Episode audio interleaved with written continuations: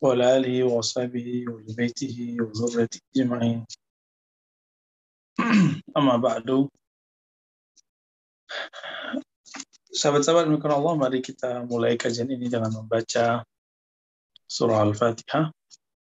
Kita niatkan supaya Fatihah ini menjadi wasilah membuka mata hati, kubu pikiran kita untuk mencicipi, menikmati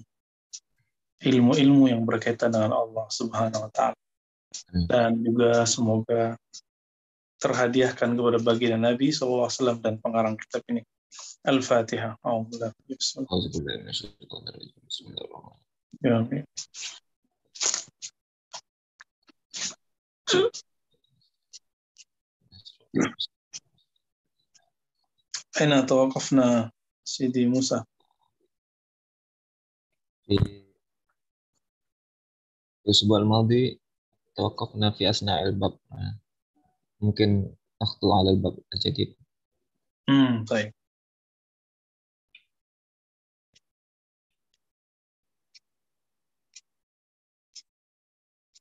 نخطو إلى باب جديد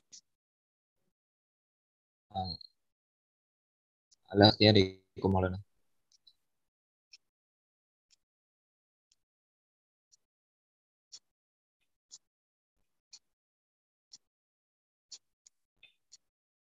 أحسن أن نواصل طيب masih Ya, kita sekarang membaca uh, pandangan ulama-ulama mengenai arwah. Ya. Ini ada satu kalam. Wakila ad-dunya wal akhirah dal arwah sawa. Nah, bagian yang di situ, Sidi Musa. Setelah perdebatan Al-Kharraz, ya, Imam Al-Kharraz berkalam, nah, baru kita masuk situ. Jadi teman-teman kita di pekan lalu membahas tentang perdebatan ulama mengenai ruh itu apa. Ada yang menganggap itu jismun latif, benda yang halus. Ada yang menganggap itu ungkapan saja, makna saja. Ada yang menganggap itu sifat. Begitu juga ada yang mengartikannya seperti ruh itu seperti manusia tapi bukan manusia gitu ya. Ruh itu bentuknya kayak manusia cuma uh, bahan yang nasir yang ada dalam dirinya bukanlah tanah dan uh, api, air, udara dan lain sebagainya. Nah, terlepas dari itu semua, saya sudah menyebutkan juga bahwa ruh itu bukanlah benda ya, bukan jisim. Tapi kalau mau pakai versi Al-Quran, kita sebut amrun robbaniyun. Nah, itu pilihan kata yang menurut saya lebih mendekati kepada Al-Quran. Ya. Suatu amr yang berasal dari sisi Allah Subhanahu wa taala, maka disebut amrun rabbani. Di Qur'annya disebut kulir ruh min amri rabbi. Kalau amr, amr tidak mungkin makhluk dicipta. Ya. Kalau di dalam ayat yang lain disebut nafaktu fihi min. Aku tiupkan. Maka ar-ruh itu amrun rabbani, rabbaniyun mafhud, manfuhun ala al-bashar. Ya. Kalau mengikuti uh, Al-Quran ya. Amrun rabbaniyun yang ditiupkan kepada manusia. Nah, sekarang perdebatan mereka mengenai bagi arwah dunia dan akhirat itu sama ya. Dunia ini setelah kalamnya Kharraz ya. Jadi setelah yang halaman ini Sidi Musa apakah bagi ruh dunia dan akhirat itu sama? Nah ini pertanyaannya. Wakila ada jawaban mereka. Al arwah aqsam nah ruh ini ada beberapa macam arwahun tajulu fil barzakh. Ada ruh yang bisa berjaulah, berkeliling. Istilah jaulah ini sering dipakai oleh para ahbab tabligh ya. Istilah Arabi sebenarnya mustalah uh, Arabi, istilah bahasa Arab yang berarti jalan-jalan, bisa berkunjung. ada arwah-arwah yang yang diizinkan berkunjung ke alam barzakh. Bisa lewat mimpi, bisa lewat jaga. Tentu ini diizinkan Allah ya, bukan dia jalan sendiri. Wa tubsiru ahwal dunia wal malaikah dan sehingga bisa melihat ahwal dunia dan malaikat. Jadi di alam barzakh dia bisa kalau dia sudah meninggal dia bisa melihat dunia, dia bisa kalah malaikat ataupun dia masih di dunia ya. Wa tasma' ma tatahaddas bihi fis sama'i an ahwal. Arwah ini bisa mendengarkan obrolan-obrolan langit mengenai ahwal manusia. Jadi ternyata manusia itu digosipin terus di, di langit ya. Ada yang gosip yang baik dan segala macam. Begitu juga digosipkan oleh lawan makhluk langit yaitu uh, kalau di langit malaikat ya lawannya ya syaitan. Jadi masing-masing kita ini teman-teman ini nama kita masuk daftar pembahasan baik malaikat ataupun syaitan. Ya. Satu jundullah, satu jundu iblis. Satu tentara Allah, satu tentara iblis. Ya. Ada arwah ya, tahtal ars. Nah, ini tinggi sekali ya. Dia makomnya di bawah ars langsung. Wa arwahun tayyaratun ilal jinan. Ya. Ada juga arwah yang dia berterbangan bisa mengakses masuk ke surga. Nah ini kan ruh Nabi semua yang begini nih ya. Wa ila haitsu sya'at ala aqdariha min as-sa'i Allah ayyamal hayat. Bahkan arwah itu ada yang pergi ke mana saja sesanggup yang Allah berikan kepadanya pada masa hidup. Jadi ini ruh ini ada empat empat eh, macam di sini ini tentu ruh-ruh yang suci teman-teman ya. Ada yang bisa uh, masuk ke alam barzakh. Jadi apa yang dibahas nanti oleh Imam Ibnu Qayyim dalam kitab Ar-Ruh nggak berlebihan kalau antum sudah paham kitab ini. Ya. Tapi kalau nggak paham kitab ini akan mencoba akan meragukan yang ditulis oleh Imam Ibnu Qayyim. Dan di sini dia bisa melihat ahwal dunia, ahwal malaikat. Nah, nanti di akhir zaman ini orang-orang seperti ini akan tambah banyak ya akan tambah banyak jangan kaget-kaget. Itu ada yang halu ada yang hakiki asli. Karena Allah membuka uh, akses untuk ini di akhir zaman itu sangat sangat banyak ya. Dan yang kedua tadi di bawah aras ya langsung di bawah aras dia. Arwah tahta ars nah, di bawah aras berarti masih di rof-rof, kursi, atau luh mahfuz, atau di bawahnya lagi surga, di bawahnya lagi baru langit. Ya. Disebutkan mereka ada di sana. Wah ini malaikat apa ruh-ruh yang suci sekali. Dan ada arwah yang bisa bepergian ke surga, ada yang paling tinggi yang bisa ke mana saja dia mau. Tidak hanya di bawah aras, bahkan dia bisa menembus aras Allah dengan izinnya tentunya. Nah, ini Ibnu Qayyim apa eh, Asurawardi hampir seirama lah dengan Ibnu Qayyim dalam bab ini. Ini boleh kita sebut iliyin ya, di tempat-tempat yang tinggi. Waruwa Sa'id bin al-Musayyib an Salman al-Farisi qala ya, Imam Surawardi ya, meneruskan apa kata beliau Sa'id bin Musayyib atau Musayyab ini tabi'i yang kabir, tabi'i senior, senior berguru kepada banyak sahabat, kepada mertuanya Abu Hurairah dan juga uh, orang yang paling senior di zaman Nabi yaitu Salman Al-Farisi yang berumur ratusan tahun. Qala arwahul mu'minin tazhabu fi barzakhin min al-ard haitsu sya'at min as-sama'i wal ard hatta yaruddaha ila jasadiha. Ruhnya orang beriman, ini enggak disebutkan ini apakah setelah mati atau tidak. Tapi ada kata kunci itu, fi barzakhin minal ard. Berada di alam trans antara dunia dan akhirat minal ard haitsu sya'at bainas sama'i wal ard. Sekira-kira dia mau bergerak antara langit dan bumi, lalu Allah kembalikan ke jasadnya. Ini uh, bisa jadi maksudnya dalam tidur atau dalam uh, dalam zikir ataupun setelah wafatnya. Wakila idza warada al arwah mayitun min al ahya iltaqaw wa tahaddatsu wa tasaalu wa wakkala Allah biha malaika tu'ridu 'alaiha amal al-ahya. Nah, lalu ini ini berdasarkan kesimpulan beberapa riwayat ya.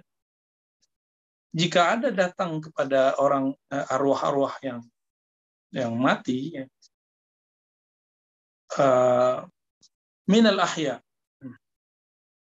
orang-orang yang hidup iltaqau maka mereka ketemu lalu berkalam-kalam lalu saling bertanya maka Allah akan wakilkan kepada mereka malaikat yang dapat menyampaikan amal. Jadi kalau kita kirim Fatihah, Allah kirimkan malaikat. Dalilnya ada ya. Dalilnya misalnya ke Nabi aja ya. Eh, Nabi mengatakan eh, man salla alayya radda alayya ruhi fa rudda alaihi salam. Apabila ada orang bersalawat kepadaku, maka Allah kembalikan ruhku. Berarti langsung Nabi jawab. Lalu Nabi menjawab. Di hadis yang lain, Inna lillahi malaikatan sayyahin. Allah punya malaikat yang sayyahin. Hadis Imam Nasai. Apa tugasnya? Yuballighunani salamakum. Menyampaikan kepadaku salam. Itu ke Nabi. Maka sama ke pewaris Nabi juga begitu. Hatta idza arada urida 'ala al-amwat ma yu'aqabu bihi al-ahya fi dunya min ajli dhunub qalu na'tadiru ila Allah zahiran an. Ini ada di hadis Imam Tabrani hadis Tabrani Ibnu Abi Dunya. Ibnu Abi Dunya ini ulama ahlu sunnah uh, periwayat hadis, namun beratkan hadisnya bukan uh, seperti Bukhari Muslim. Beliau beratkan tematik, maka disebut kitab-kitabnya Kitabul Ajza. Ya. Uh, maknanya ini seperti ini, ya.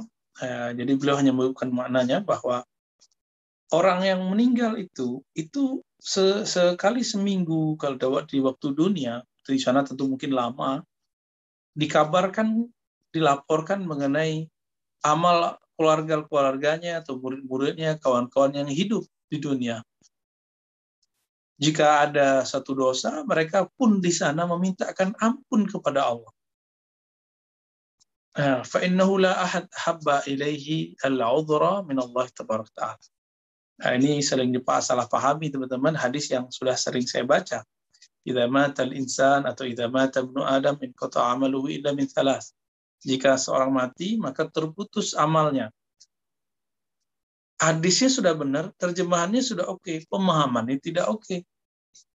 Disebutkan kecuali amal yang ilmu yang bermanfaat, sedekah jariah, kalau di hadisnya sedekah jariah dulu ya. Kemudian yang ketiga, anak soleh yang mendoakannya. Terjemahannya sudah benar. Apa yang nggak benar? Ketika dikatakan selain anak soleh nggak nyampe. Nah, dan kita sudah bantah banyak itu. Nggak usah saya yang bantah, ya Allah aja yang bantah. Bahwa Nabi disuruh ke memerintah, diperintahkan untuk mendoakan sesama mukmin. Padahal Nabi bukanlah eh, anak dari orang yang meninggal itu. Dan dalam hadis yang banyak sekali mutawatir, bahwa Nabi diperintahkan dan memerintahkan untuk mendoakan siapa pun yang wafat di kalangan muslimin. Lalu Imam Ibn Qayyim, eh, Imam Salafi, yang kemudian beliau mengumpulkan dalam kitab Ar-Ruh, hampir 30 ya. Kalau hitungan saya 29 dalil yang dia disebutkan dan dia mengatakan kalau saya mau bisa lebih banyak lagi. 29 dalil mengenai wusul sawab ya, bahwa amal orang hidup sampai kepada yang mati. Dan juga amal orang yang di dalam kubur itu itu dia amal duniawinya selesai, tapi amal amal ruhnya kan nggak selesai, masih berlanjut. Makanya kita sering membahas beberapa waktu yang lalu ada ungkapan bahwa mencari ma'rifat setelah wafat dan itu berlanjut. Dalil kuatnya mana? Sayyiduna Musa masih terlihat sholat di dalam kubur ketika Nabi Muhammad, Muhammad SAW berisra. Itu sholat apa? Sholat cari pahala kan tidak. Seandainya orang mati sudah nggak bisa berbuat pekerja, tentu Nabi Musa sudah nggak bisa sholat di dalam itu. Lalu yang paling zahir sekali adalah Nabi Muhammad memimpin sholat eh, pada saat Mi'raj, mau Mi'raj, dan dihadiri oleh 124 ribu para nabi. Kira-kira gimana tuh ya? Itu kan hadis sudah sahih semua, sudah zahir semua, sudah masyhur. tapi ternyata itulah nikmat faham. Faham itu pemahaman itu satu nikmat yang tidak semuanya orang bisa uh, mengaksesnya. Dan kita bersyukur Allah mudahkan memahami itu dan kita tidak berfanatis dalam hal ini. وقد ورد في الخبر عن النبي صلى الله عليه وسلم تعرض الأعمال يوم الاثنين والخميس على الله Ternyata ada sebuah hadis, ini semakna dengannya ada di hadis Abu Daud ya, dan Ahmad, begitu juga di Tirmizi. Di kitab ini nggak disebutkan ya. Amal diangkat, dilaporkan kepada Allah pada hari Isnin dan hari Kamis. Ya. Ternyata sebutan Isnin, Isnin, uh, Senayan, ya. Senin, itu dari sini ya. Bukan cocokologi, tapi memang uh, begitu dulu orang melafazkannya. Kalau di kampung saya itu orang nyebutnya Senayan. Ya. Al-anbiya wal aba wal ummahat yawm al-jum'ah. Nah, ini perhatikan teman-teman. Amal dilaporkan kepada Allah hari Senin, hari Kamis. Kepada Allah. Kalau kepada Nabi, kepada ayahanda kita, kakek-kakek kita, ibu-ibu kita, hari Jumat. Ini hari apa nih? Ini hari Selasa berarti kemarin ya kemarin eh, mulai dari eh, malam Senin sampai Seninnya. Wa tazdadu wujuduhum bayadha wa isyaraqa. Maka mereka akan senang jika yang dilaporkan itu baik-baik. Memang begitu kan? Kita dilaporkan anak kita nakal, ya kita sedih. Dilaporkan anak kita baik, ya kita senang. Wajahnya tambah berseri-seri. Ya fattaqullaha ta'ala wa la mautakum. Maka takwalah kepada Allah dan jangan kamu menyakiti orang-orang yang mati di antara kalian. Wa fi khabarin akhar, nah, di kabar yang lain, إن أعمالكم تعرض ala asyairikum وأقاربكم من الموتى فإن كان حسنا kana hasanan. Ini sama maknanya ya. Ini amal kita di, dilaporkan ke keluarga, ke kerabat. Wa in kana ala dhalik, qalu Allahumma la tumithum hatta tahdihum kama hadaitana. Jika tidak baik, maka mereka mendoakan hidayah bagi kita dan jangan sampai kita mati kecuali dapat hidayah. Ya apa kata beliau berikutnya wahidil akhbar wal aqwal tadullu ala annaha a'yanun fil jasad ini diambil oleh beliau semua kabar ini ada yang sahih ada yang dhaif ada yang hasan hanya untuk mengistinbat bahwa arwah itu ayanun fil jasad. Ah, bahwa eksis di dalam pada jasadnya. Walaysa bima'anin wa arat. Ya. Eksis sebagai suatu subjek yang berkaitan dengan jasad, bukan sekedar makna ataupun arat, ya, eh, karakter.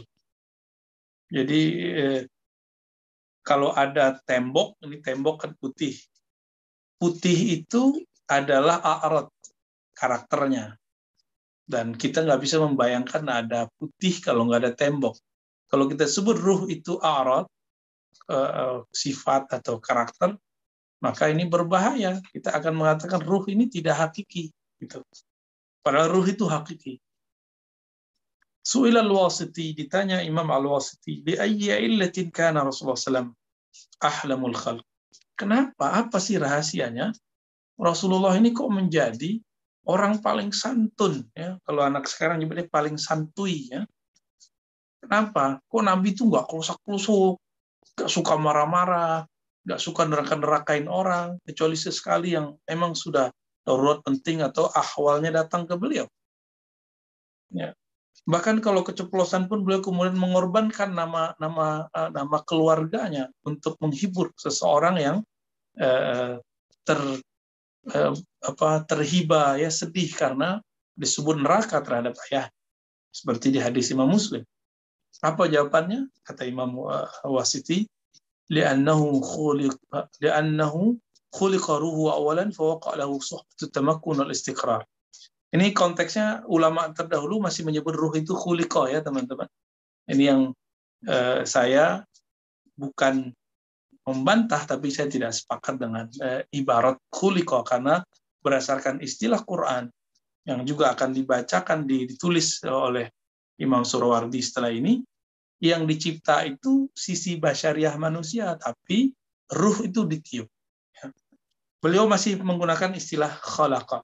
Karena ruh itu dicipta lebih awal, lalu fawaqa'alahu suhbatut tamakun. Lalu dia mempunyai suatu suhbah, namanya suhbatut tamakun wal istiqrar. Ya, persahabatan, ya, persuhbahan, tamakun, ya, penempatan, penyesuaian, dan istiqrar. Ya. Jadi antara ruh dan tubuh ini nggak bertabrakan, dia malah kemudian berkesesuaian. Allah tarahu yakul. Jadi Nabi lebih dulu ruhnya ada. Lebih dulu ruhnya ya semua kita sebenarnya sama. Semua kita ini dulu ruhnya lebih lebih dulu ada daripada tubuh ini. Tapi ruhnya Nabi itu sumber dari semua ruh. Ala tarahu yaqulu kuntu nabiyyan wa adam baina ruhi wal jasad. Ada sebuah hadis yang masyhur ya ada di Imam Al-Hakim sebagian redaksinya didoaifkan oleh Imam Zahabi, tapi penelitian kita ini hadis langka ya. Dan Imam Hal Hakim tahu bahwa hadis ini ber, bernilai tinggi. Rawi-rawinya pun uh, ada yang bermasalahkan, tapi belum menguatkan uh, sisi tidak bermasalahnya. Karena tidak selalu orang yang berbohong itu berbohong, tidak selalu orang yang lemah hafalan itu lemah, sebagaimana tidak selalu orang yang hebat itu hebat gitu. Nah, Imam Hakim bisa mengungkap mana yang hebatnya. Aku ada, kata Nabi Muhammad, sudah menjadi sudah menjadi seorang nabi, sedangkan Adam masih belum belum ada bentuk ruhnya, belum ada jasadnya. Nah, ailamnya kuruhan wala jasadan, ya, belum ada ruh dan jasad. Karena ruhnya Nabi Adam itu terpancar cahayanya dari ruhnya Nabi Muhammad SAW. Dan sebagian mereka mengatakan ruh diciptakan dari cahaya izzahnya Allah, sedangkan iblis diciptakan dari nar la izzah. Jadi ada nur ada nar, teman-teman.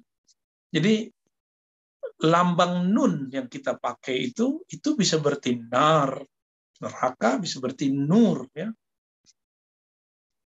Nah, kalau kalau kita kemudian mengembalikan kepada Nabi, itulah nurul izzah. Cahaya keperkasaan Allah. Tapi jika sebaliknya menentang Allah dan Rasulnya, tapi kok masih hebat juga, itu narul izzah. Izzah juga tapi narnya.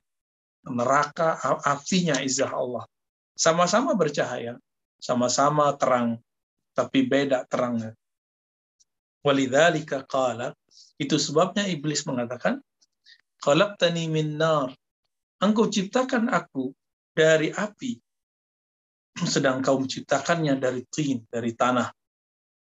Walam yadri anna nur khairun minan nar.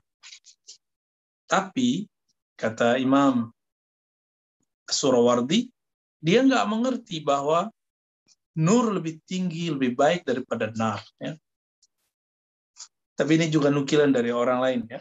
قال بعضهم قرن الله تعالى على علم بالروح فهي لطاقتهم تنمو بالعلم كما تنمو البدن بالغذاء وهذا في علم الله لأن علم الخلق خليل لا يبلغ ذلك ini penting nih teman-teman coba ingat ayatnya tadi wa ma utitum minal ilmi illa qalila tidaklah diberikan kalian wahai kitab ilmu mengenai ruh kecuali sedikit apa kata ulama karena Allah, Allah menggandengkan antara ilmu dan ruh. Maksudnya apa? Tanmu bil badan bil.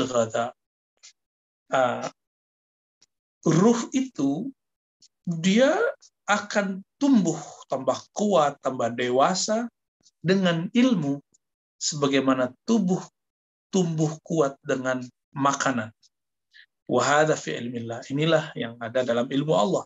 Ya, li'anna ilmal khalq qalil. Ilmu makhluk sedikit. Dan tidak sampai ke sana. Makanya ada ungkapan umur ruh. Orang-orang yang berumur ruhnya tua walaupun badannya muda, itu disebabkan cuma satu hal. Karena ruhnya mendapatkan asupan makanan ma'rifatullah lebih banyak daripada yang lain. Maka saksikanlah nanti di perkembangan akhir-akhir zaman ini, orang-orang yang muda itu belum tentu muda. orang-orang yang tua itu belum tentu tua. Ya, yang tua itu adalah orang-orang yang ilmunya berkaitan dengan Allah. Yang ilmunya bersambung kepada baginda Rasulullah. Sedangkan orang-orang yang yang yang muda itu meskipun dia tua tapi dia sebenarnya dihitung muda jika ilmunya tidak menghantarkan dia kepada Allah bahkan menjauhkan dirinya dan umat kepada dari Allah Subhanahu wa taala. والمختار عند أكثر متكلم الإنسان أن الإنسانية والحيوانية عرضان خلقا مثل الإنسان ya, yang dipilih oleh kebanyakan ahli kalam bahwasannya insaniah sisi kemanusiaan dan sisi kehidupan hayawan dua ardani ya. Dua karakter yang diciptakan pada manusia. Wal baut pada ba'du ya. Wal war anna ruh yal hayatu bi'ainiha. Sedangkan ruh itu hayatnya. Dengan dengan dengan subjeknya dengan zatnya. Saral badan bi wujudiha hayyan wa bil i'adati ilaihi fil qiyamati yasiru hayyan jadi ruh inilah sumber kehidupan manusia sedangkan sisi manusiawi sisi hewani itu karakter yang dilekatkan Allah pada manusia jadi kalau sisi manusiawinya mati, hewaninya mati, ruhnya tidak mati. Ruhnya masih hidup di alam barzakh, masih bisa kembali lagi di hari kiamat. Nah ini pendapat kebanyakan uh, ulama ahli kalam, maksudnya ahli sunnah. Ya. وذهب بعض متكلم الإسلام إلى أنه جسم لطيف مشتبك بالأجسام الكثيفة لاشتباك الماء بالعود الأخضر وهو اختيار أبي المعالي الجويني.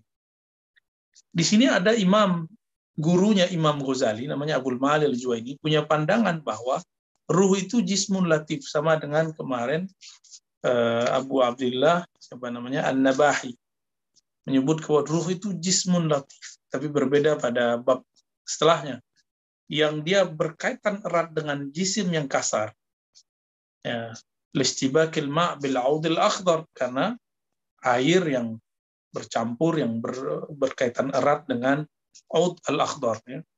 Aud bisa seperti eh, pohon kayu yang hijau. Ya. Wahwa ikhtiar Abil Amal al-Juwaini. Ini pandangan Imam al-Juwaini, guru dari Imam al-Ghazali. Namun saya tidak menyepakatinya ya teman-teman. Eh, ini sebagai pandangan opini saja. Wa kathiru minhum mala ila annahu ard.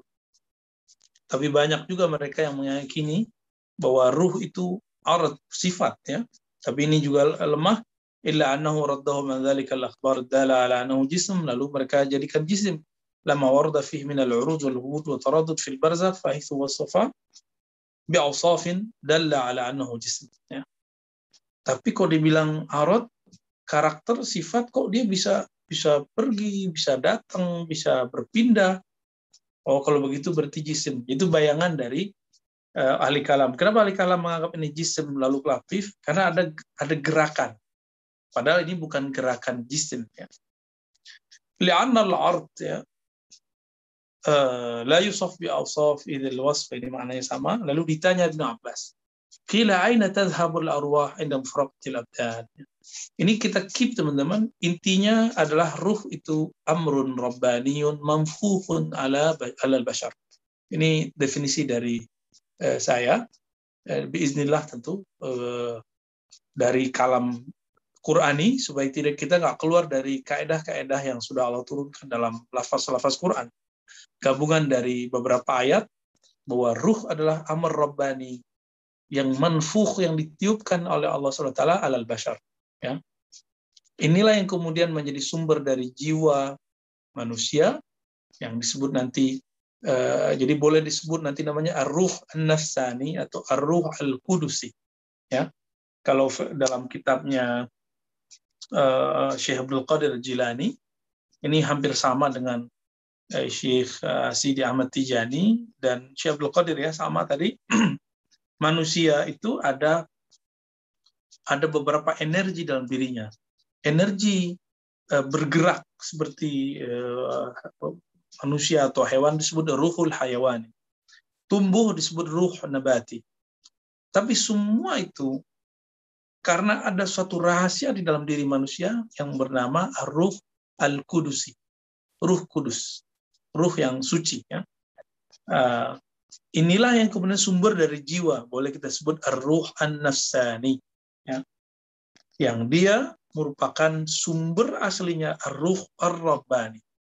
Nah, kalau dia sudah mengenal nih jalan pulangnya, bahwa pulangnya bukan ke ruh hayawan, hewan, bukan ke nabat, ya, bukan ke bumi, bukan ke tanah, bukan, tapi dia pulangnya kepada ar-ruh ar-rabbani.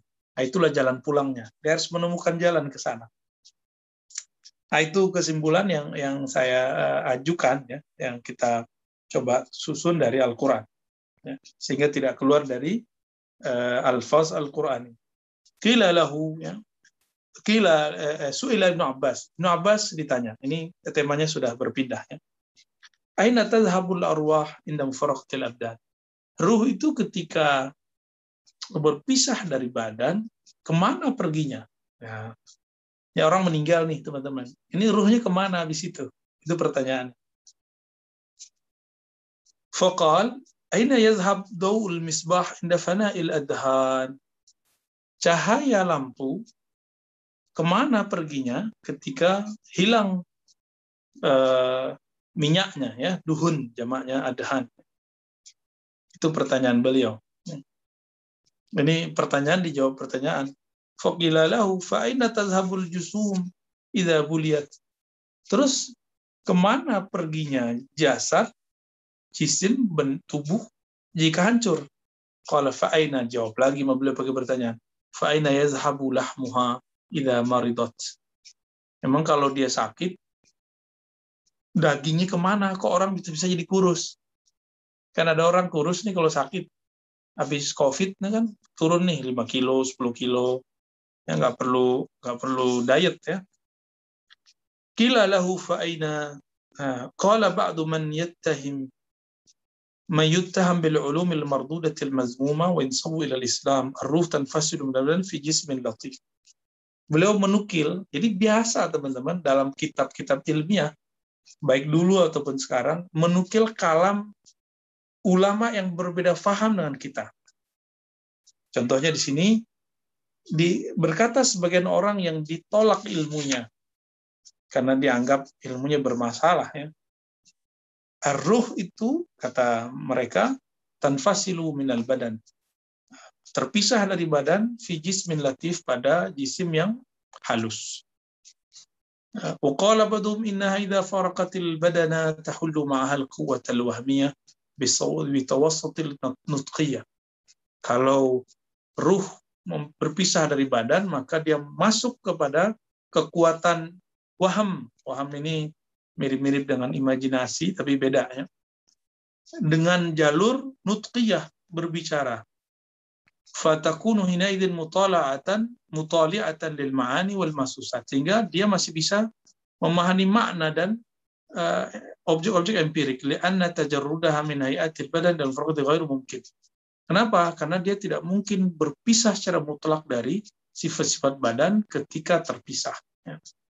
wahia indal maut sya'iratun bil maut wa ba'dal maut mutakhalliyah bi nafsiha makhura wa tatasawwar jami'a ma kana ta'taqidu halal hayah qabr. Itulah sebabnya orang mati itu bisa merasakan kematian. Setelah mati dia bisa merasakan ditarik, ya, dibawa, membayangkan melihat apa yang dia kerjakan di dunia, lalu mendapatkan pahala dan ikop di dalam kuburnya dan lain sebagainya. Ya. Pokoknya aslamul maqalat ayuqala ruh syai'un makhluk. Nah, ini masih terjebak ke makhluk. Ruh itu satu yang makhluk. Allah biarkan ada ayyuhyal badan sehingga dengan itu dia bisa menghidupkan badan. Berarti kalam ini belum belum upgrade ya. Nah, paragraf berikutnya langsung ya. Saya kita nggak mau ngulang lagi dapat yang yang sama. Walamma al mutakallimun karena ahli kalam juga berkalam berkalam. Jadi ini kitab tasawuf tapi nukil kaul-kaul selain kaul ahli tasawuf karena objek yang dibicarakan sama.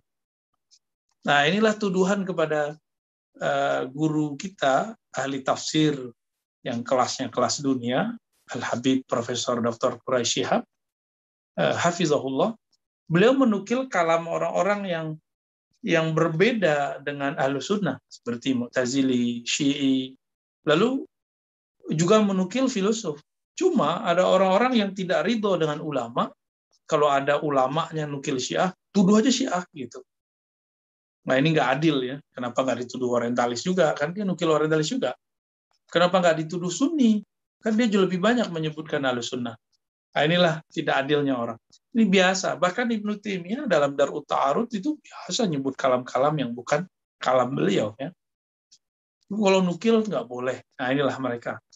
Mereka sering e, menganggap nukil itu bagian dari mankul. Ya. Mara al mutakallimun anau yuqal lahum al mujudat mahsuratun qadimun wa majismun wa jawharun wa arad faruhu ayyuhaula. Jadi ketika ahli kalam ini debat, segala yang wujud ini kan imma kodim, ada kalanya kodim, atau jisim. Jisim ini terdiri dari banyak jauhar. Maka yang berikut jauhar.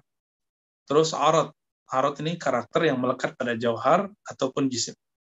Lalu ruh yang mana? Ruh ini kodim, jisim, jauhar, atau arat. Nah, fakhtara qawmun minhum annahu arat. Ada yang kemudian memilih ini adalah arat. Eh, karakter atau kondisi sifat yang melekat. Ada yang menganggap ini bagian jismun latif. Ini jisim yang latif, seperti yang kita sebutkan sebelumnya. Waktara mi kaum ada kaum yang meyakininya annahu qadim. Bahwasannya ruh itu qadim. Apa alasannya? Li'annahu amrun. Karena di ayatnya disebutkan amri rabbi. Ya. Wal amru kalam. Amr itu kalam. Kalam itu qadim. Nah ini uh, apa? Istinbatnya begitu. Fama ahsanul imsak anil qaul fima hadha sabilu. Fama imsak. Ya. Yang paling bagus, nggak usah bahas deh gitu kira-kira. Jadi Imam Surawardi memilih untuk tidak membahas. Uh, di sini belum muncul lafaz azali karena di zaman dahulu azali dan kodim ini masih dianggap satu ya. Tapi dalam kajian ilmu hakikat itu sebenarnya dibedakan antara kodim dan azali.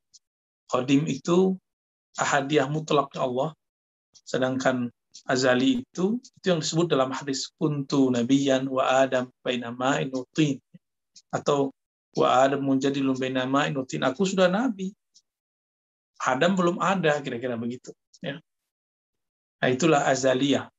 Jadi azaliyah itu kalau versi ilmu hakikat eh, fase hembusan sang kodim.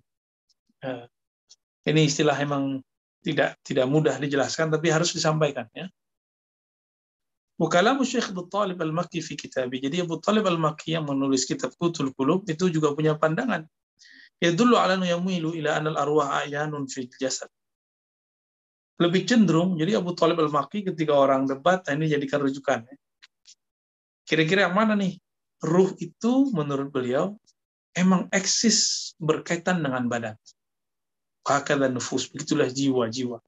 Li'annahu yazkur anna ruh tataharrak lil khair. Karena dia mengatakan ruh ini bergerak kepada kebaikan wa min harakatika yazhar nurun fil qalb.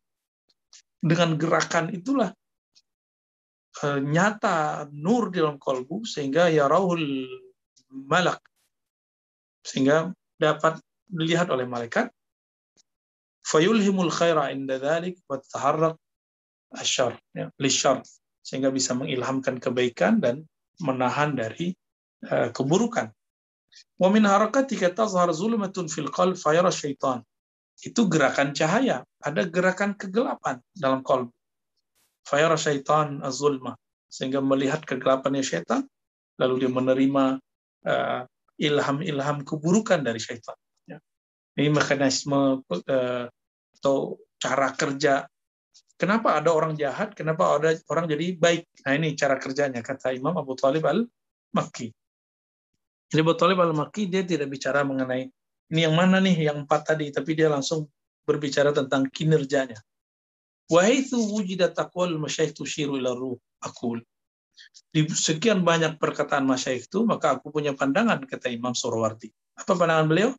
ما عندي في ذلك على معنى ما ذكرت من التأويل دون أن أقطع به إذ ميلي في ذلك إلى السكوت والإمساك فأقول والله أعلم nah ini canggih nih teman-teman tidaklah aku punya pandangan dengan banyaknya pandangan yang tadi melainkan sukut dan insak tawakuf kalau bahasa di Majlis Tarjih Muhammadiyah itu tawakuf ini kan bahasa usul fikih ya tawakuf tidak komentar dan aku mengatakan wallahu a'lam tapi habis itu beliau nukil kalam-kalam yang sebenarnya kalam dari Syekh Abdul Qadir Jilani. Tapi di sini nggak disebutkan ya. Ar-ruh al-insani al-ulwi samawi min alamil amr. Nah, ini mirip-mirip seperti yang saya menjelaskan uh, pekan lalu bahwa ruh ini kita kita bagi fase-fasenya, maka maknanya akan terlihat di fase-fase tersebut. ruh insani ulwi samawi itu dari alamul amr. Inilah yang disebut oleh pengarang kitab Sirul Asrar, Syekh Abdul Qadir Jilani dengan ya, Ruhul Kudus. Nah, ini sama juga disebut oleh, oleh Imam uh, Tijani. Ya. Ruh al-hayawani al-bushra al-bashari, ya. bukan bushra al-bashari min alamil. Di, ketika ditiupkan, maka muncullah pancaran energi dan ruh ini disebut ruh hayawan. Kalau saya menyebutnya kemarin ruh basyari, ya. ini alamul khalq, ini dicipta. Lalu ada yang ruh hayawani basyari, mahallur ruhul ulwi wa mauridu. Yang berada, yang yang ruh hayawa, hayawani basyari, yang merupakan tempat daripada ruh yang tinggi dan tempat kembalinya. Nah, ruh hayawani ini, ruh hidup maksudnya, ini latif, jismaniun latif. Dia benda yang halus. Hamil kuatil hissi wal harakah. Dia dapat memikul kekuatan empirik dan gerakan. Yang ba'isu minal qalb. Yang tumbuh dari kalbu. Ani bil qalb hauna al mudghah al lahmiyah al ma'rufah syakal. Yang maksud kalbu di situ jantung. Jantung bukan hati ya. Yang eh, yang segumpal daging yang kita sebut dengan jantung ada di bagian kiri manusia, dada kiri, yang tashiru fi jararafi al-uruq tawarib. Ya, ya dari dari jantung itulah kemudian memancarkan memampakkan darah ke seluruh tubuh. Ruh lisairil hayawanat wa minhu tafidu quwal hawas. Dari situlah kemudian tubuh ini hidup. Wa huwa alladhi. Nah, di situlah kenapa tubuh manusia hidup. Kenapa? Karena sunnatullah yang Allah menjadikan pada si jantung yatasarrafu bi ilmi talabi fi bi i'tidali mizajil akhlaq. Uh, yang dia kemudian Allah pergerakkan bisa mengalirkan darah ke seluruh tubuh lalu tubuh itu menjadi hidup. Maka kehidupan itu ada pada darah, darah sumber dari jantung, jantung itu ah ini bersumber apa ber, berkaitan dengan ruh hayawanil bashari lalu dia bersumber dari ruh al-insani al-ulwi. Ya. nah, kira-kira itu teman-teman uh, pembahasan kita mengenai ruh. Ya. Lalu berganti sekarang mengenai an-nafs. Gimana Sidi Musa? Masih kuat? Silakan dibaca ya. Qala Allah Ta'ala wa nafsi wa ma sawwaha. Bismillahirrahmanirrahim. Bismillahirrahmanirrahim. minal musannif rahimahullah ta'ala. Anafanallah bihi wa bi'ulumhi bikum bi'utumikum bitaraini. Amin. Qala. Qala Allah ta'ala wa nafsi wa ma sawaha fa alhamaha fujuraha wa taqwaha. Demi jiwa uh, fataswiyatuha biwurudi ruh al-insani 'alaiha wa inqita'uha an jinsi arwahil hayawan hayawanat fa taqawwanat an-nafsu bi takwinillahi ta'ala min ar-ruhi al-alawi wa sara takunu an-nafsu allati hiya ar-ruhu al-hayawaniyu min al-adamiyyi min ar-ruhi alawi fi alamil amri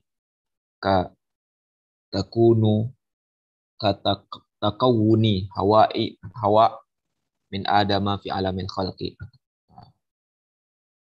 Uh, ntar gimana? penyamaan atau penyempurnaan uh, jiwa itu adalah dengan memberikan ruh manusia kepadanya dan memutusnya dari jenis arwah uh, hewan atau makhluk hidup. Maka uh, dibentuklah jiwa deng dengan adanya Allah membentuk ruh yang tinggi. Kemudian pembentukan jiwa yang itu yang merupakan ruh hayawani dibentuk dari jenis adami dari ruh yang tinggi itu di alam amar sebagaimana pembentukan Hawa dari Adam di alam penciptaan. Wasara bainahuma min at-ta'allufi wa ta'ashuki kama baina Adam wa Hawa wasara kullu wahidin minhuma yazuqul mauta bi mufaraqati sahibihi. Qala Allah Ta'ala wa ja'ala minha zawjaha liyaskuna ilaiha.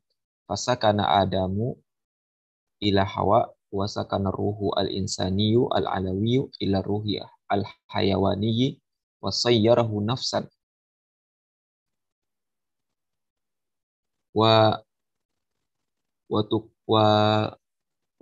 wa taqawwana min sukuni ruhi ila nafsi al qalbu wa a'ni bihadal qalbi al latifati bihadal qalbi al latifat al latifata alati mahalluha al mudghatu al lahmiyatu fal mudghah al lahmiyatu min alamil khalqi.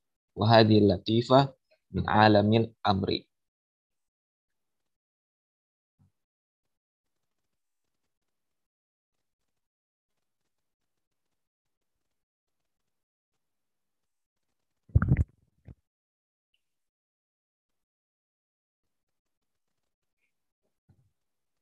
dia uh, ntar aja Maulana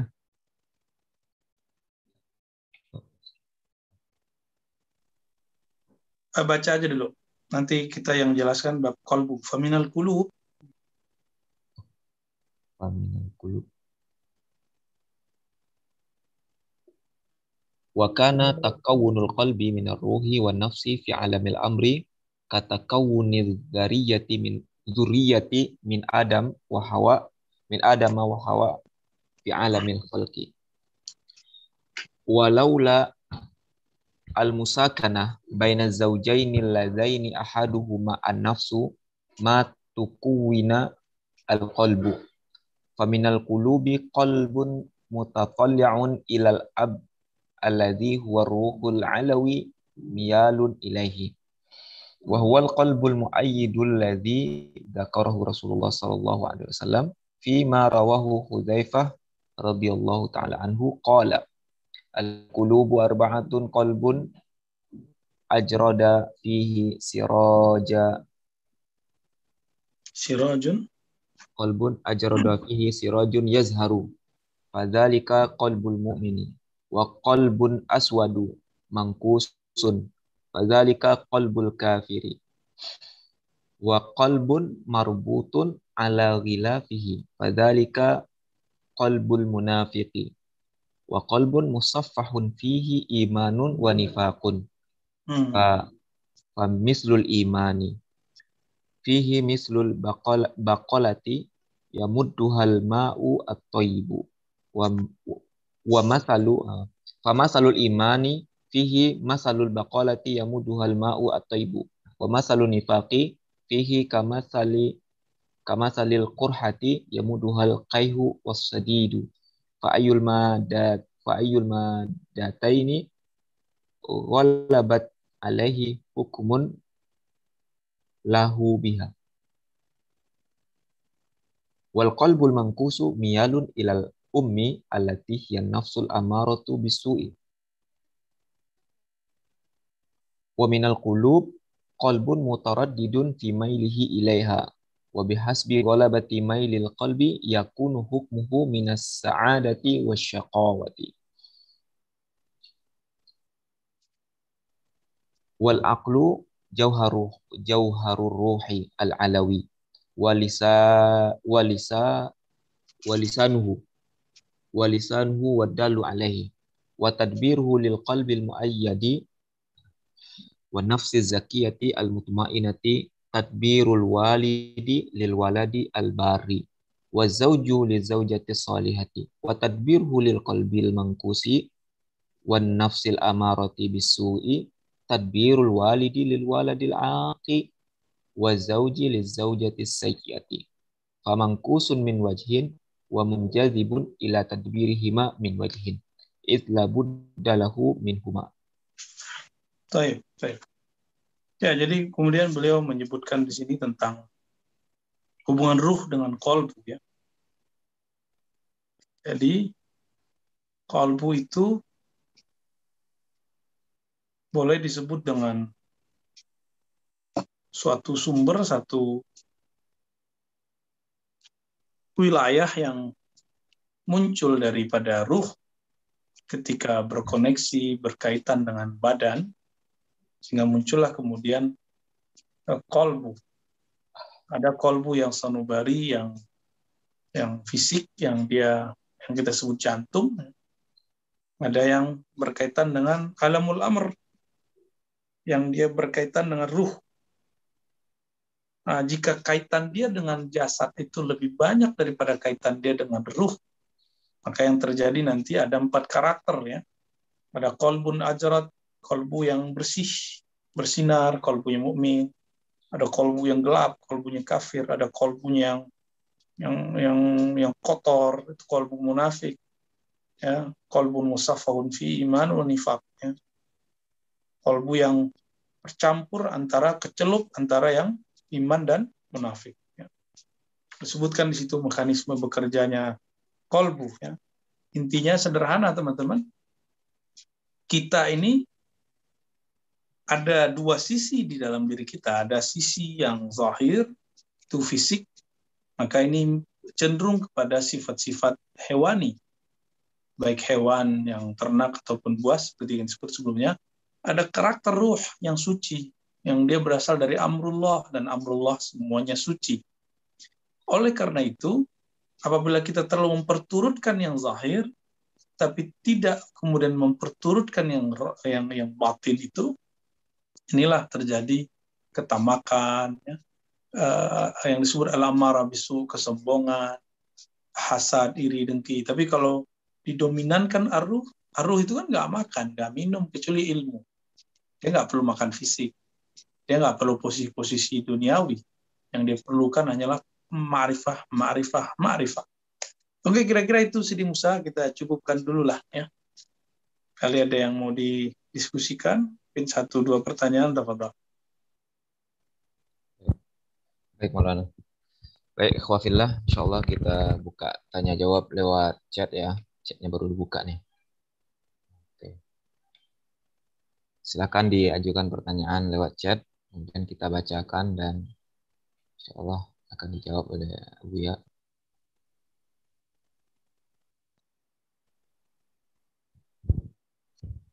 Uh, Sementara chat belum ada, mungkin kita persilakan nih yang raise hand. Karena nggak apa-apa yang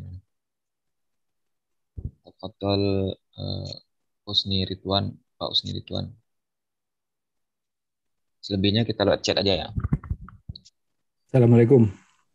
Assalamualaikum Uh, tadi di kitab ada membahas sedikit uh, ayat Fa'alhamaha fujuroha itu, tapi belum disinggung tadi. Nah, uh, saya mau tanya apakah uh, fujur dan takwa itu ilmu dari Allah kepada ruh atau bagaimana? Ya. Kalau kita kembali kepada ayat ya, menafsiu wa ma sawaha. Dan demi jiwa yang mana dialah yang menyempurnakannya. Fa'alhamaha fujuraha wa taqwa secara ini ini ayat lagi berbicara bab ontologis namanya sumber segala sesuatu bukan berbicara tentang teologis benar salah ya tapi berbicara nilai dan sumber. Bahwa semua sumber sebenarnya semuanya diciptakan oleh Allah. Tapi ketika yang menghantarkan ke dalam kolbu manusia itu adalah e, malaikat atau ruh al-ulwi. Nah disebutkan di sini ruh al-ulwi ini yang menangkap maka dia menjadi alhamaha taqwaha ya. tapi kalau sebaliknya yang kemudian lebih dominan menangkapnya adalah sisi kegelapan mana syariah kita, maka dia menjadi uh, fujurah. Teman-teman yang melakukan Allah, ungkapan saya mengatakan sebenarnya segala sesuatu itu baik. Kapan dia jadi buruk? Ketika sudah dimanipulasi oleh syaitan, ya, oleh iblis. Uh, iblis ini kan sebenarnya lemah tapi kuat di strategi, dia kuat di makar. Uh, apabila ilham ini sudah bercampur dengan makar, baru dia kemudian menjadi seperti yang kita uh, sebut ya, uh, fujur kefajiran. Ya. Jadi semuanya bersumber Allah ya, sumber segala sesuatu. Adakah segala suatu dunia tidak bersumber dari Allah? Kalau ada berarti ada selain Allah di muka bumi ini yang berkuasa. Gitu. Jadi ini berbicara di bab uh, ontologis, asal muasal, bukan berbicara benar salah ya.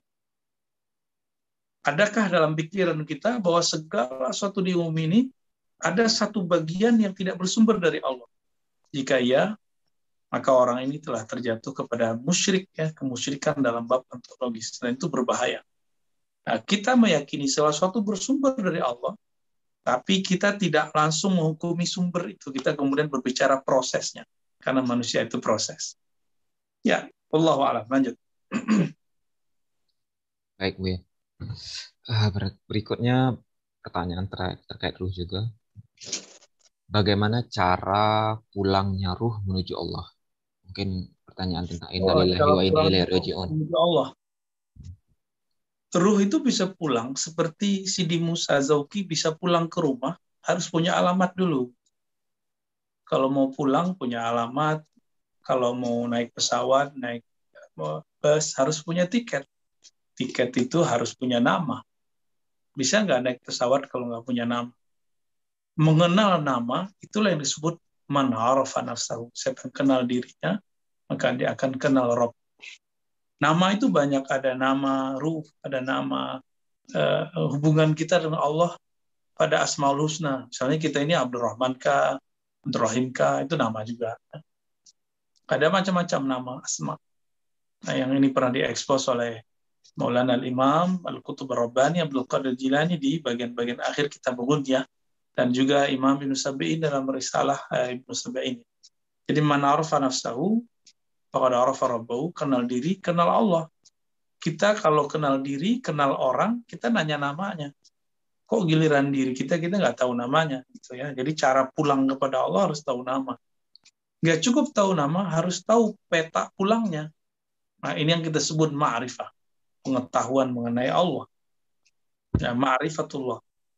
Nah, ada orang dikasih uh, pengetahuan jalan pulang, tapi dia nggak punya tiket pulangnya karena dia tidak mengikuti baginda Rasulullah SAW. Jadi bagaimana cara pulangnya? Kenali diri, kenali jalan menujunya, yaitu mengikuti ajaran baginda Nabi Muhammad SAW. Ya, Allah alam. Lanjut. Uh, berikutnya Bu ya terkait dengan kolbu dan jantung. Tadi Bu ya sempat singgung, ya mungkin ini penanya minta dijelaskan ulang perbedaan kolbu dengan jantung yang tadi dia sebutkan. Apakah kolbu kol... ada dua ya? Ada kolbu tempat energi ruhani itu uh, bertengger itu kolbu sanu kolbu nurani kolbu yang bercahaya nah, kolbu ini inilah tersimpan di dalamnya ilmu tersimpan di dalamnya nama Allah nama-nama yang dikasihi, dan segala macamnya. Dan ini menjadi poros hayat, sifat hidup manusia. Adapun kolbu yang yang dimaksud dalam hadis ala inna fil jasadi mudghah ya kemudian di ujungnya ala wahyal qalb itu adalah kolbu jantung jantung yaitu kolbu sonubari yang dibahas tadi dalam kitab juga ya jadi ini berbeda tapi berkaitan sangat berkaitan. Apabila seseorang menemukan jalan akses yang bisa menghubungkan antara kolbu dengan kolbu yang yang zahir dan batin itu, inilah disebut wajilat kulub. Inilah makna ayat "Idza Allah wajilat kulubu. Jika disebut nama Allah, maka bergetar kolbu mereka. Kolbu-kolbu mereka ya, itu sebagai jamak tuh. secara harfiah banyak orang beriman. Tapi kalau bagi orang-orang ahlul haqiqah, di dalam kolbu itu ada kolbu. Dalam kolbu ada kolbu, dan itu bergetar semua. Idza Allah. Nah, kalau secara harfiah, ada banyak orang beriman, mereka masing-masing punya kolbu. Disebut nama Allah bergetar. Nah, ini perbedaan tafsir aja, teman-teman. Ya. ya, lanjut. Baik, ya. Terkait kolbu itu eh, yang berarti jantung, ini ada pertanyaan, eh, bagaimana dengan jantung yang ditransplantasi, ya? Berpindah ke raga orang lain. Ya, makanya karena inti dari manusia itu bukan hanya jantung yang fisik, tapi ada jantung yang batin, jantung yang yang nurani, maka dia tidak mati. Dia nggak mati gitu ya. Saya udah sering cerita tentang ruh. Ruh ini adalah inti dari kolbu yang yang nurani ini. Jadi ruh alamul amr adalah inti dari kolbu. Ya. Kolbu ada pada jiwa. Jiwa berkaitan dengan jasad. Jasad ini ada juga jantungnya bernama kolbu sonubari. Itu sebabnya di Quran ada sebutan fuad, ada lub, ada sir. Kalau lub tidak disebutkan ya. Ada sih ulul albab misalnya. Uh, itu lub ya. Uh, ada fuad, ada khafi, akhfa, sir, ya musirra wa akhfa itu kan kolbu semua. Kalau disebut nama Allah itu bergetar sampai semua alam kolbu tadi. Ya. Uh, kalau ada transplantasi nggak ngaruh. Ya. Paling nanti karakter basyariahnya yang berkaitan. Karena ada darah, di darah itu ada karakter yang melekat, ada memori yang melekat ketika ada uh, ya jantung dicangkok dengan jantung siapa, mungkin karakter basyariahnya akan berpindah ke orang itu. Ya. Karena karakter itu ada di, di darah dia itu ya. Cuma kalau kolbunya benar itu akan bisa benar semuanya, insya Allah. Ya Allah alam Ini pertanyaannya lumayan ini bu ya, lumayan mungkin dipertanyakan oleh banyak orang. Ya. Buya pernah menjelaskan bahwa tiap ruh memiliki nama. Lalu ketika seseorang meninggal dan belum mengetahui atau belum diketahui nama ruhnya oleh keluarga atau keturunannya, apakah amalan-amalan yang diperuntukkan kepada orang yang meninggal tersebut bisa tetap sampai meski kita menyebutkan penyampaiannya kepada ismul jasadnya. Ya, bagus, bagus. Ya, apabila orang tidak mengetahui jati diri ruhnya, maka kebahagiaan dia di, di alam barzah tergantung amal soleh dan kiriman orang-orang yang soleh kepadanya. Nah, misalnya nih dia punya sholat, ya sholatnya nanti datang. Kan itu yang disebutkan dalam hadis Imam Ahmad, hadis Nasai. Nanti eh, puasanya berupa, baca Qur'annya berwujud, sholatnya berwujud. Cuma saya membayangkan sholat kita kan nggak benar-benar amat. Baca Quran kita nggak ilahi ikhlas amat, terwujudnya kayak gimana itu saya nggak bisa bayangin itu ya. Jadi kalau kita mengandalkan kesolehan pribadi, kesolehan jasad, ini tipis ya, apa harapannya. Cuma ya kalau Allah terima, walaupun sholat tidak khusyuk ya bisa selamat juga. Uh, itu penjelasan pertama. Penjelasan kedua, mengenal Allah melalui ruh itu, itu bagian dari ihsan. Adapun amal soleh, orang yang baik, meninggal, dia belum mengenal jati diri ruhnya. Dia baru sampai pada jati diri manusiawinya, belum sampai kepada ruhinya. Orang ini sudah dapat dua nikmat, Islam dan iman. Tapi belum sampai kepada nikmat yang ketiga, yaitu nikmat ihsan. Jadi dia sudah enak di sana secara nafsiyah, tapi belum nikmat di sana secara ruh. Gitu ya. Kayak kita dapat fasilitas makan minum di rumah seseorang tapi dia belum ketemu kita nggak mau nemuin kita. Karena kita belum pantas ketemu dia. Nanti alam kubur menjadi taman-taman surga bahkan masuk surga nanti. Tapi Allahnya nggak mau ber, me, me, mempertemukan kita dengannya. Sesering mungkin beda dengan orang-orang yang sudah mengenal jati diri ruhnya maka orang-orang itu akan bermajelis ber, bermukalamah, bermuhadasah, berkalam-kalam dengan Allah setiap saat. Semoga kita ya termasuk yang mengenal jati diri ruh. Jadi perbedaannya orang yang soleh biasa dia dapat nikmat Islam dan eh, iman. Sedangkan ahlullah ini dapat nikmat yang ketiga itu nikmat ihsan. Inilah nama ruh di situ uh, jati diri ruh ya. Jadi saya menyebut nama ruh itu teman-teman dengan istilah jati diri ruh. Ya, Allah alam. Uh. Uh, ini pertanyaan. Kalau semua ruh sudah sampai pada makam tertinggi dan semua yang salah sudah difiksa sesuai dengan kadar apa yang uh, sesuai dengan kadar kesalahannya, apa yang akan terjadi selanjutnya? Apakah semua makhluk akan dihancurkan kembali ke ketiadaan? Hmm, ini ruhnya yang nanya ini ya. Lagi mau cari tahu peta ma'rifatullah ini. Teman-teman yang bukan Allah, kajian kita kebanyakan berhenti di surga neraka ya dan ada ungkapan eh, kekal di dalamnya itu benar ya. khalidina fiha jadi orang-orang yang cuma mengenal Allah membalasi orang yang soleh eh, menyiksa orang yang tidak soleh ya sampai di situlah perjalanan dia untuk orang-orang yang mendapatkan firdaus surga tertinggi Allah akan me, me, mengizinkan mereka bertemu Allah dua kali sehari, pagi dan sore. Tapi pagi dan sore di sana itu sama dengan 500 tahun. Berarti dari pagi ke sore 500, sore ke ke paginya 500. Berarti 1000 tahun baru bertemu Allah dua kali.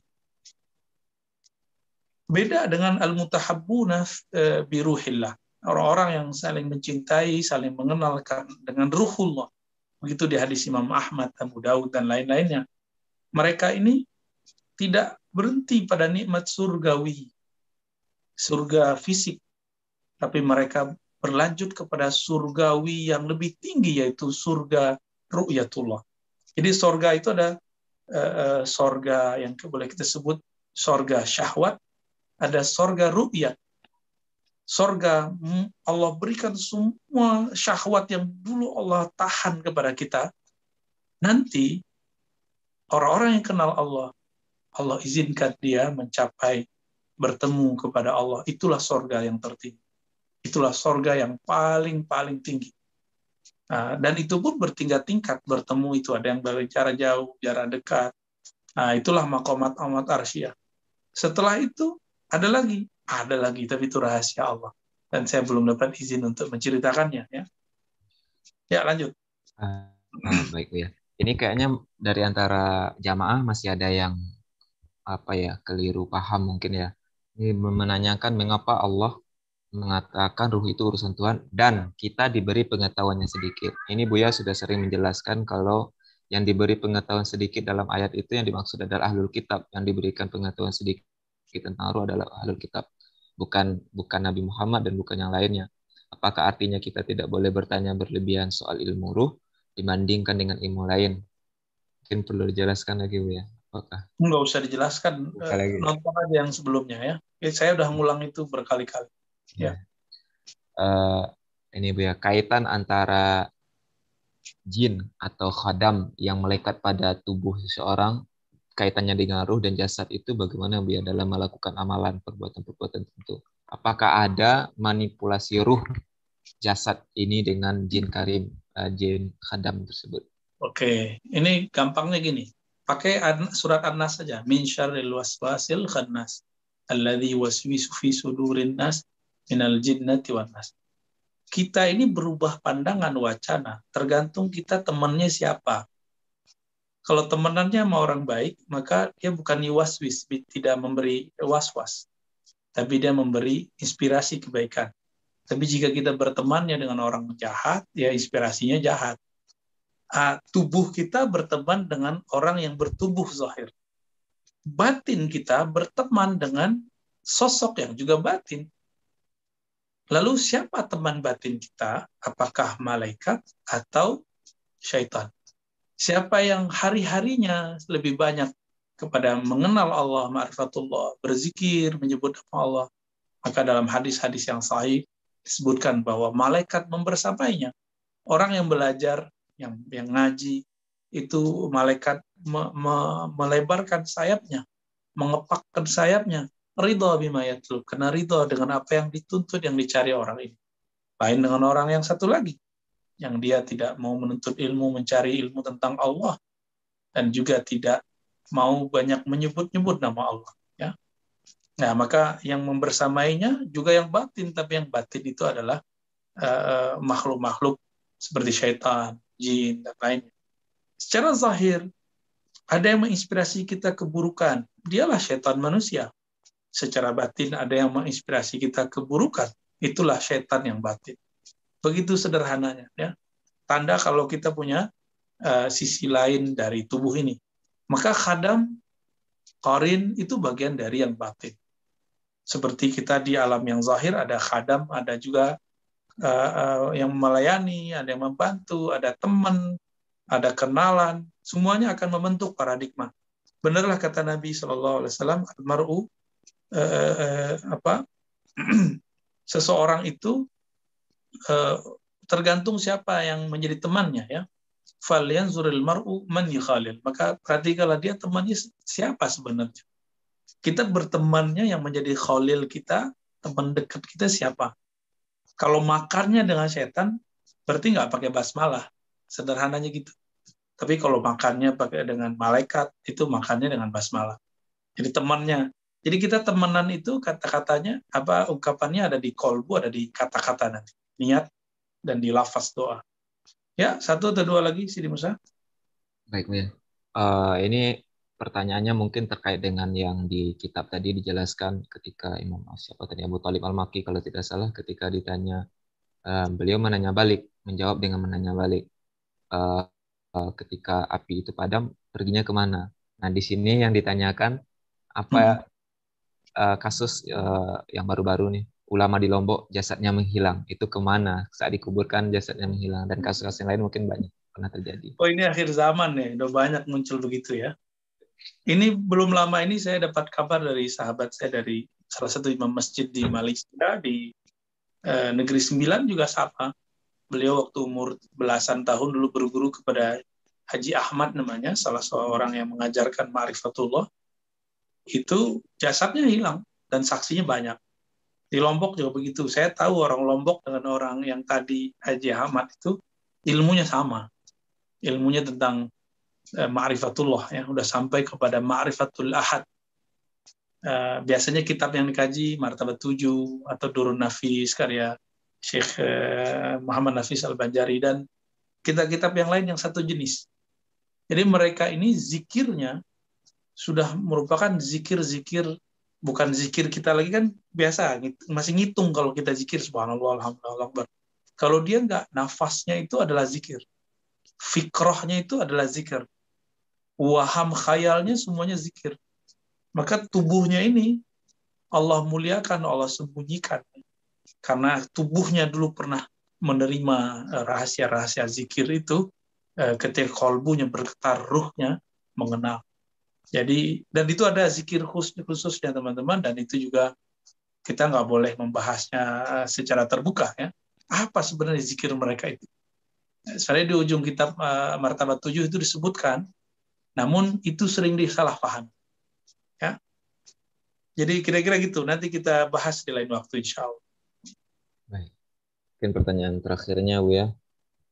Minta penjelas penjelasan terkait dengan sebuah ungkapan itu mungkin Buya bisa konfirmasi dulu ungkapan ini ada pernyataan ulama atau tidak.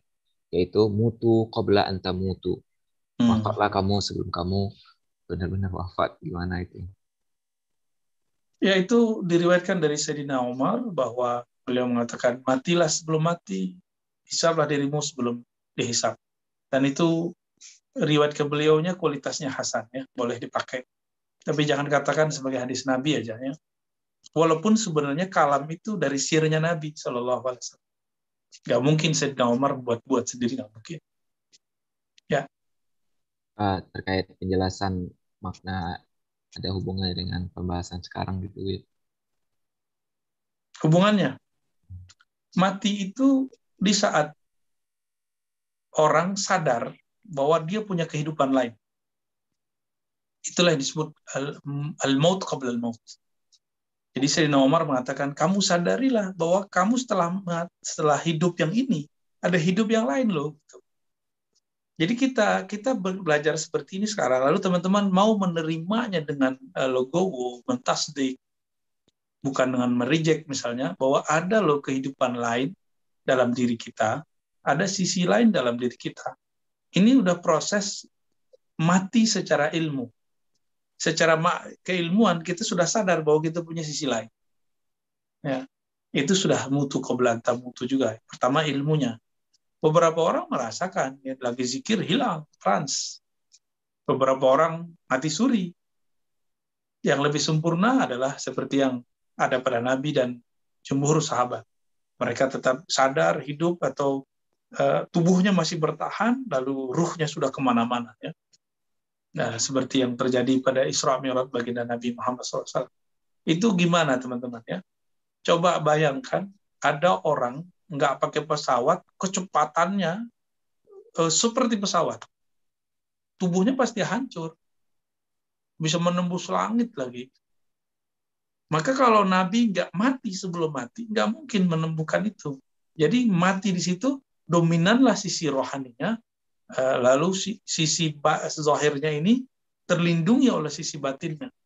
Gak usah jauh-jauh deh ngelihat lihat orang debus aja lah. Orang debus itu kan ada dua, ada yang sihir dan zikir.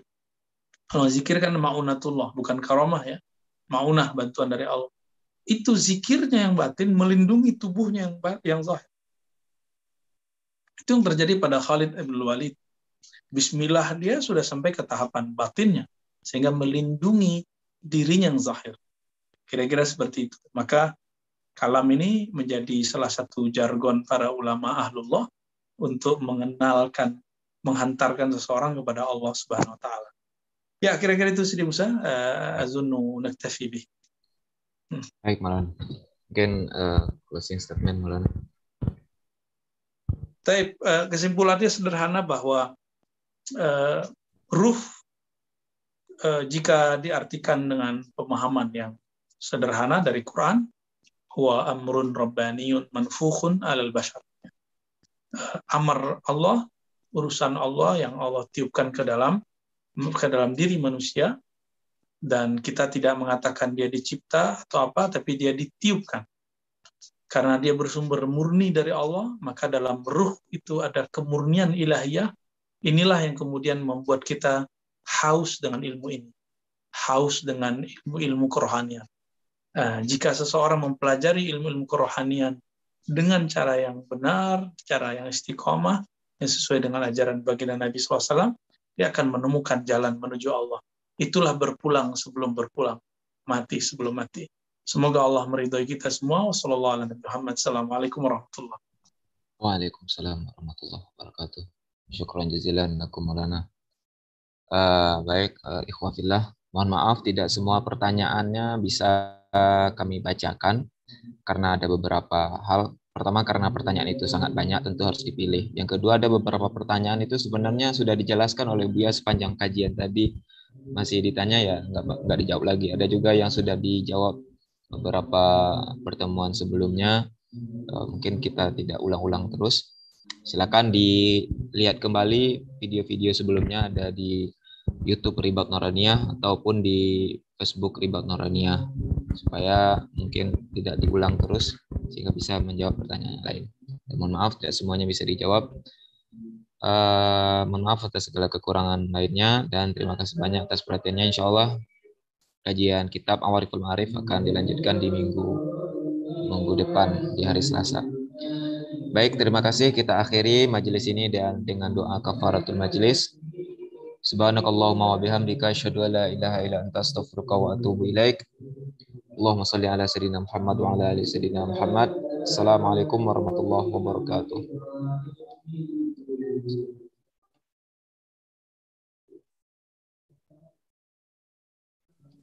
Ya, tutup. Enak, enak,